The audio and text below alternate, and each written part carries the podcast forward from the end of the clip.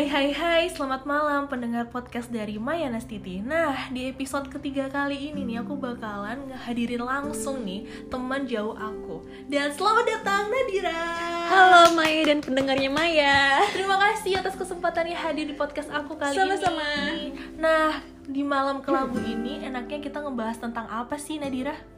Kayaknya bahas tentang toxic relationship seru kali ya? Wah seru banget tuh, ini pasti dirasakan di semua kalangan pendengar pria maupun wanita.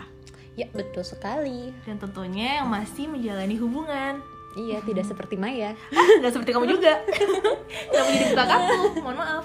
Oke Nadira aku mau nanya nih tentang kira-kira nih apa sih sebenarnya toxic relationship itu?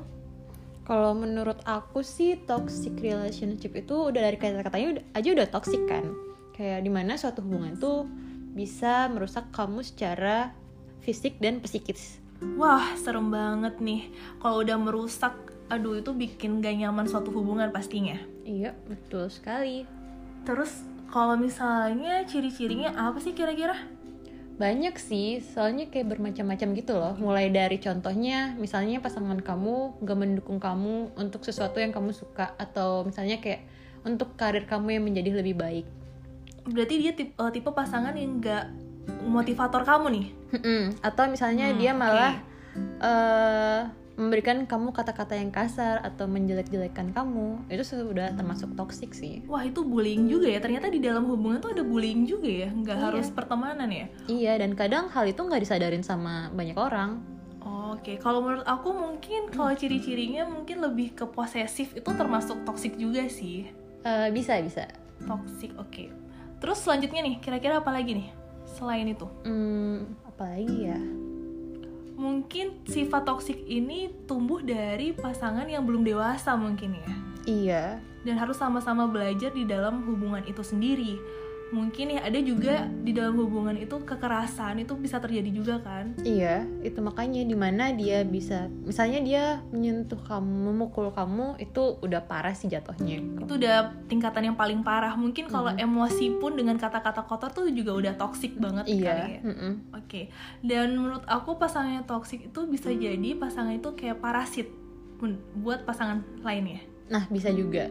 Itu kan banyak banget jenisnya, jadi susah untuk dikelompokkan gitu loh. aduh kalau semakin banyak jenis kayak gini semakin pusing gak sih milih pasangan Nah bener juga sih, yaitu kita pintar-pintarnya pilih pasangan di mana ke, eh, kekurangan pasangan yang mana yang paling bisa kita, kita terima. Dan tentunya mungkin lebih ke bagian bagaimana sih kita mengenali pasangan itu sejauh mana sih kita mengenali sifat-sifat aslinya dia itu Iya kan betul. Apalagi ya hubungan yang toksik itu, misalnya kamu sekarang pacaran dia seperti itu, setelah nikah pun belum tentu dia akan berubah menjadi lebih baik. Malah kadang dia berubah menjadi lebih buruk. Waduh, serem juga ya kalau misalnya dia bisa berubah jadi lebih buruk. Hmm, jadi aku semakin ti- empat dan lima kali langkah nih untuk berpikir memilih pasangan. Emang Maya udah mau nikah ya? Iya belum dong. ya nanti ke depannya. Hmm, Oke, iya kembali itu. lagi nih ke tema kita. Jangan bahas tentang aku ya. Eh, kamu pernah nggak sih kira-kira berada Hmm. di dalam lingkungan toxic relationship ini atau malah kamunya nih yang merasakan di dalam lingkungan ketoksikan itu sendiri? Hmm, kalau aku sendiri ya tentu aja aku pernah dengar cerita dari teman aku yang ngelam- nge- mengalami oke. itu dan aku pun pernah mengalami itu. Aku pernah ngalamin secara dua-duanya, baik Waduh. psikis maupun fisiknya. Mhm. Nah, yang pertama itu dari psikisnya. Jadi aku waktu itu punya mantan, sebut saja mantan. mantan satu. Iya harus men- oh mantan man- mantan satu dan mantan dua gitu ya. Banyak banget ya mohon maaf mantan kamu ya. Enggak enggak. Nah, nah yang mantan satu ini eh waktu itu aku di di kampus ada kegiatan yang di mana aku ditunjuk menjadi salah satu eh anggaplah seperti modelnya. Oh, Oke. Nah. brand ambassador lah ya. Ya Oke. mirip begitulah. Terus aku ngomong lah ke mantan aku ini aku bilang aku ditunjuk se- sebagai ini Mm-mm. dan tapi aku kena rasa insecure insecure, aku yang lumayan tinggi saat itu. Aku bilang kayak tapi aku malu ah aku nggak pede dengan senyumnya aku. Terus kata mantan aku dia ngejawab dengan gampangnya kayak lah emang iya? Baru sadar. Ya ampun, itu niatnya bercanda atau emang emang dia menjatuhkan kamu nih? sambil bercanda sih cuma kan karena aku nanyanya di saat yang serius dan itu emang saat aku yang membutuhkan jawaban Iya. iya apa enggak untuk aku menjadi modelnya itu karena jawaban yang seperti seperti itu jadi aku kayak ya udah deh dia aja ngeliat aku nggak bagus gimana orang lain gitu Oh, jadi dia di situ posisinya dia nggak ngedukung kamu banget nih Iya, untuk betul. menjadi model itu ya. sebenarnya dia itu eh, menghindari aku supaya eh, menghindari aku untuk tidak terkenal Oh, dan gak jadi pusat perhatian para wa- Nah. wa- cowok-cowok di luar sana. iya betul Aduh, kalau kayak gitu termasuk toxic juga sih kalau misalnya tipe cowok atau pasangan cewek kalian itu tipe cemburu banget. Mungkin dia uh, membungkusnya itu dengan sangat rapi banget, maksudnya nggak pengen kelihatan cemburu banget, iya tapi di- dia memperlihatkan dengan menjatuhkan kamu nih. iya betul kayak gitu sih kurang lebih dan untuk yang mantan kedua Aduh, banyak banget ya Bu mantan kedua. Oke, selanjutnya kenapa nih di mantan kedua kamu? kalau mantan kedua ya itu. Kalau toksiknya ya dia gampang emosi dan ya pernah sih kayak kepukul dan segala macamnya. Terus dia sempat ngomong mau berubah dan segala macamnya. Ya emang ada perubahan sih dia mengurangi maksudnya mengurangi itu meredam Mengurangi itu. emosinya ya. iya. Tapi ya gimana ya orang bawaannya udah kayak gitu pasti bakal keluar lagi. Jadi ya benar ada waktunya buat itu keluar lagi. Gitu sih jadi dari sini aku bisa nangkep sih sebenarnya kalau sifat-sifat asli yang em, emosional dengan cara menunjukkan memukul atau melakukan sesuatu dengan fisik itu bakalan keluar lagi sifat aslinya walaupun dia udah bilang aku berubah nih ke depannya. Iya betul, karena susah sih buat kontrol sifat yang as bawaannya udah kayak gitu. Dan kira-kira nih kamu bisa bertahan berapa lama nih? Paling lama deh sama mantan satu atau mantan dua dari ngelihat eh, toxic ini. Sebenarnya buat mantan satu, aku ti- dulu tidak menganggap itu sebuah toksik. Oke. Karena mungkin niatnya bercanda atau ya Iya, kalau waktu itu kamu bisa memaafkan karena waktunya nggak tepat aja ke mungkin ya. Iya, dan aku juga kayak merasa insecure dan dia yang begitu, jadi aku kayak oh ya udah emang mungkin aku kayak gitu. Jadi aku tidak menganggap dia tidak mendukung aku, aku cuma anggapnya dia mengata- mengatakan hal yang sebenarnya. Mungkin penilaian dari se- segi dia ya. Betul. Oke. Nah, kalau itu aku cukup lama bertahan di hubungan itu. Oke. Sampai bertahun-tahun lah. Nah, untuk yang kedua itu, Mm-mm. Mantan keduanya kenapa? nih? itu juga sebenarnya lumayan lama sih, cuma tidak selama yang hubungan pertama. Mm-mm. Jadi kamu lebih nggak kuat kalau dikasarin ya? Ya iyalah, Maya. Oh iya sih. Iya, mohon maaf. Tapi ada juga sih beberapa pasangan yang kuat menghadapi uh, kekerasan di dalam hubungan itu sendiri sebenarnya. Nah, iya sih, balik ke individu masing-masing sih. Cuma mungkin aku ngerasanya sudah cukup untuk aku dan perasaan aku. Iya, kamu tergores banget ya perasaan kamu. Ku menangis. Iya. Nah, oke. Sebenarnya eh, solusi-solusi apa sih yang bakalan kamu kuatkan untuk diri kamu nih untuk tetap bertahan bersama mantan satu atau mantan kedua kamu? Yang pertama sih kita omongin, kita omongin sama pasangan kita sendiri kalau hal yang dilakuin itu salah. Oke. Terus kalau misalnya kita udah ketemu jalan tengahnya ya kalian bisa lanjut. Dan kalau misalnya kalian udah omongin dia tetap dengan dirinya dia yang seperti itu dan tidak ada keinginan buat berubah, Mhm. Ya menurut aku sih udah ya. Percuma ya? Iya, kayak ngapain mempertahankan orang yang seperti itu. Hmm, jadi berapa kesempatan nih yang kamu berikan untuk mantan satu dan mantan kedua kamu nih? Sebenarnya buat kesempatan aku ngasih yang untuk mantan pertama Oke, beda-beda ya kesempatannya. Oke. Iyalah. luar biasa. Tergantung sifat kesalahannya ya, luar biasa ya. Aku termasuk tipe orang yang gampang memaafkan orang lain. Aduh, baik banget Ibu Nadira satu ini. Oke, lembut banget ya sifatnya. Terus? Iya, jadi kalau yang untuk mantan pertama lebih dari tiga kali dia ngelakuin kayak hal yang kayak gitu. Dan itu sama? Enggak Eh, sih. Konsisten, real, eh, toksiknya. Macam-macam sih, bukan cuma Apa satu nih? alasan. Biasanya apa? Yang paling parah di tingkatan yang paling Dia- parah menurut kamu? Eh, dia bohong, tapi dia nuduh aku yang bohong. Oh, gitu ya. Nah iya betul. Jadi dia pinter mengemas eh, tersangkanya kamu nih ternyata. Mm-mm. Oh gitu. jadi eh, dia berbohong terus dia udah janji sama aku nggak bakal ngulangin lagi Mm-mm. terus eh, di satu sisi dia kayak nuduh aku juga pasti kamu kayak gini ya pasti kamu kayak gini ya gitu loh Oh. padahal dia yang ngelakuin itu Nah sebenarnya nih aku mau ngomong nih Sebenarnya eh, pasangan yang mempunyai sifat posesif Itu kan kadang pasangan itu yang kayak tipe yang pencemburuan banget. Dan dia pasti tipe eh, pasangan yang menuduh ini itu ini itu ini itu. Padahal sebenarnya itu nggak seperti itu kejadiannya. Nah sebenarnya orang-orang yang posesif banget di tingkat yang paling tinggi Itu mereka yang mempunyai sebenarnya mereka punya mental yang eh, illness gitu loh. Mhm. sebenarnya ada beberapa part dari dia itu yang salah dan itu tuh bener-bener ditutupin banget. Dan ketahuannya tuh ternyata ketika setelah putus maksudnya ternyata yang sebenarnya yang kayak gitu dituduh-tuduh itu ternyata dia sendiri yang kayak gitu Iya, pelakunya yang kayak gitu kan. Karena dia ngelakuin hal itu jadi dia curiga juga kalau kita ngelakuin hal itu apa enggak gitu. nah benar. Jadi dia nganggep wah kayaknya orang lain eh, kayaknya pasangan aku ngelakuin ini nih ini ini ini, ini padahal enggak sama sekali. Padahal itu cuma ketakutan-ketakutan dia aja. Dan sebenarnya dia sendiri yang pernah ngalamin sebagai pelakunya. Iya, kayak gitu betul. kan. Itu sih. Itu berarti tingkatannya paling parah nih di mantan Iya, satu karena itu ini. dia mengulanginya lebih dari tiga kali. Wah lebih dari tiga kali aja udah dikasih kesempatan tiga kali ya luar biasa. Dan lebih lah. terus ya udah itu banyak sih kesempatannya. Terus yang buat kedua Mm-mm. Itu aku ngasihnya sampai tiga kali juga oh sama Kalau yang ya? pertama Adil. lebih dari tiga oh, kali, lebih dari tiga kedua kali yang ini cukup tiga kali cukup aja tiga kali Nah, tadi kan yang mantan kedua ini toksiknya lebih ke kekerasan nih, main fisik. Nah, eh, apa sih tarafan yang eh, taraf tara di taraf taraf mana nih yang paling tinggi menurut kamu yang nggak bisa ditoleransi? eh taraf mana ya kalau gini sih selama Bohong juga.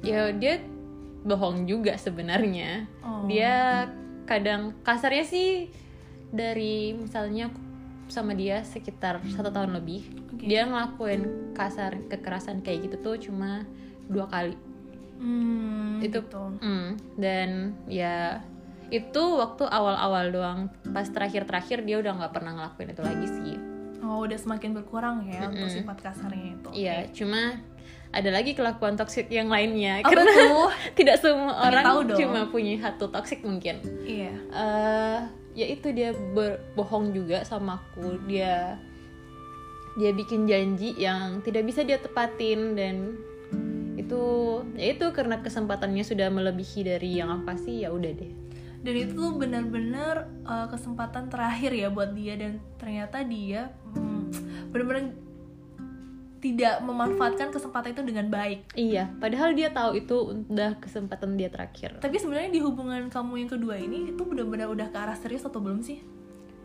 ya kalau dari omongan kita sih kita udah mengarah yang ke serius kita udah sama-sama ngomongin ke orang tua kita terus Oke. udah ketemu aku sama orang Keluarganya, tuanya oke. dia dengan orang tuaku gitu Mm. Ya tapi mungkin memang bukan jodohnya kali ya ya mungkin bukan jalannya ya mungkin iya ya. ya daripada sama orang yang kayak gitu terus-terusan makan hati ya kan Mm. ya udah mending udahan sekarang daripada nanti pas nikah ya aduh benar banget mending ditunda sekarang ya sama Iya. dia daripada nanti diteruskan dan akhirnya berakibat fatal oke aku mau nanya lagi nih misal nih kalau kamu ngejalanin dalam waktu hubungan yang sangat lama dan kamu terjebak di dalam hubungan toksik itu sendiri gimana sih cara kamu untuk mudah get out from there? Cara paling mudahnya sih menghindar menurut aku. Hmm. karena apakah kamu akan menjelaskan kalau eh kamu tuh sebenarnya toksik banget buat aku Eh, nggak kayak gitu juga sih kayaknya Oh, mungkin nggak. bakal Nggak terlalu nyakitin jujur diri banget ya. dia Heeh. kita kasih tahu aja kalau ya hal yang ya kita kasih tahu hal yang dilakukan itu emang toksik tapi bukan dirinya yang toksik juga Mai Iya mungkin itu lebih ke sifatnya Iya, bukan ke sifatnya. dirinya. Heeh. Heeh. Kita Sebenarnya kayak- toksik itu bisa dirubah gak sih menurut kamu? Tergantung dari orangnya sih Hmm. karena ya biarpun kita berkomitmen tapi orang yang toksik ini nggak mau merubah sifatnya itu bakal sulit sih Bener sih, walaupun berkali-kali sampai berbusa pun kamu Iya. ngomong ke dia, kalau misalnya dari dia tuh nggak ada niatan merubah ya nggak bakalan bisa. nah iya gitu. benar Sebenarnya itu bisa sih, tapi tergantung emang balik lagi ya sama Mm-mm. individu itu bener sih. Terus gimana nih cara selain kamu komunikasiin misal kamu udah ngasih kesempatan tadi kan tiga kali empat kali dan akhirnya nggak ada hasilnya sama sekali nih. Dan em, kamu memilih untuk menghindar. Tapi kan kadang kalau misalnya kita ghosting itu kan juga ada yang namanya sifat yang bikin mental kamu juga eh mental pasangan kamu tuh juga berpikir aduh aku salah apa lagi nih? Aku salah apa lagi salah apa lagi? Dan itu bikin beban pikiran dia semakin berat dong pastinya untuk menjalani di hubungan itu. Menurutmu apakah eh, sifat ghosting itu poin penting banget nih untuk get out from there toxic itu dalam hubungan kamu eh maksud aku untuk keluar dari hubungan itu bukannya kita Ghosting jadi ya? ghosting Oh, ya kita tapi- ngomong Mm-mm. dan kalau misalnya kita menjelaskan ke pasangan kita kita udah ngeluarin unek-unek kita misalnya dan kita rasa hubungan itu udah cukup sampai di situ aja ya udah kita benar-benar pergi dari orangnya kayak gimana ya kalau bisa sih mm, kalian nggak perlu kabar-kabaran biarpun itu kabar-kabaran yang kecil ya sebutuhnya aja. Hmm, nggak jadi nggak perlu kabar-kabari lagi ya. Iya betul. Jadi yang bener-bener ya udah yang seperlunya aja gitu. Iya jadi benar-benar keluar dari hubungan itu jangan kalian kayak kasih kesempatan kesempatan Iya. lagi kayak gitu. Jangan ntar kaki kalian yang kanan di dalam yang kiri di luar gitu. Oh kayak gitu. Oke, jangan setengah-setengah lah intinya. Misal kalau misalnya pasangan kamu tuh kayak bener-bener mohon mohon mohon aku bener-bener berkomitmen nih aku nggak bakalan lagi ngelakuin hal-hal yang toksik menurut kamu gak nyaman di hubungan kita. Menurut kamu kayak gimana? Hmm, menurut aku ya balik ke diri kalian masing-masing sih. Kalian pikir aja kalau misalnya orang itu tidak benar-benar berubah kalian mau nggak sih hidup dengan orang yang sifatnya seperti itu itu bener-bener stres banget ya Iya, kalau aku sih lebih baik enggak. Maksudnya, ya kalian pun nggak tahu jodoh kalian siapa. Ya bisa aja sih dia. Cuma asalkan kalian kuat dengan hubungan itu dan ke depannya kalian bakal sama orang itu terus sampai tua gitu. Iya. Kalian kuat nggak sih makan hatinya atau kali kayak kalian kuat nggak sih kalau disakitin dengan cara seperti itu?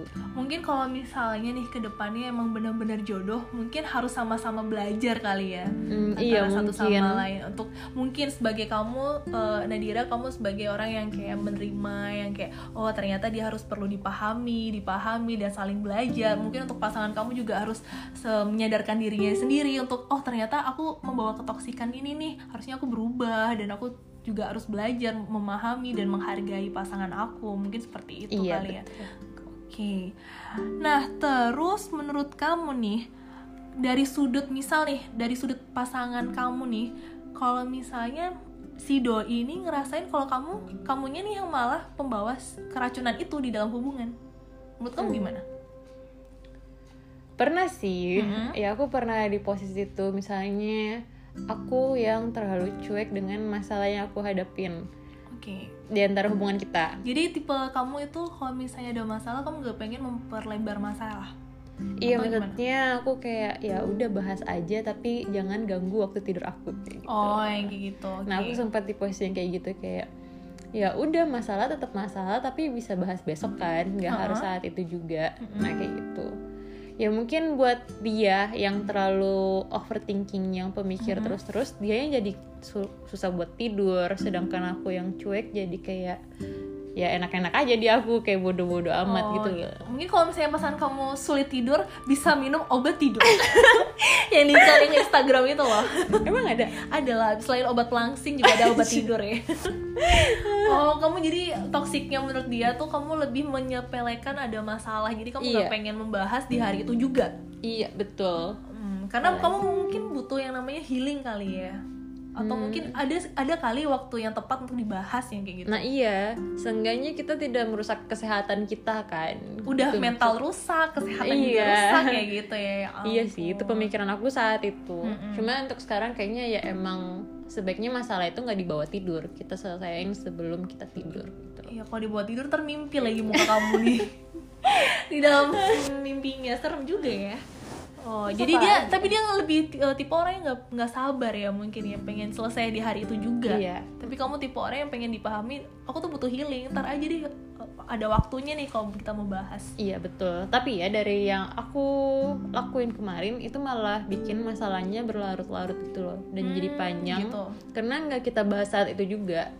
Jadi ya mending kalian selesaiin malam itu juga deh atau kalian perlu di namanya tempat nih peg- mengatasi masalah tanpa masalah kayak salah satu persantin oh gitu yang Iya, ada mas iya, mas ada itu ya. ya Jangan dong disebutin di sini.